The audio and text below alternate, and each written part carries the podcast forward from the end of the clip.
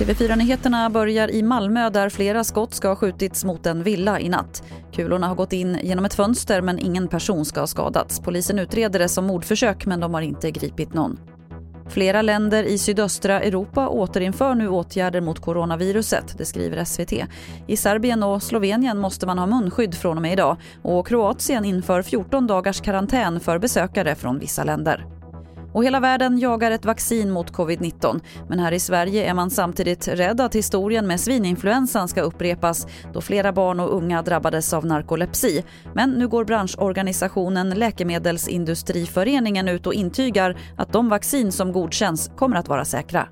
Vi har ett rigoröst säkerhetsarbete runt de här vaccinerna just nu. Så ja, de kommer att vara säkra den dag de godkänns.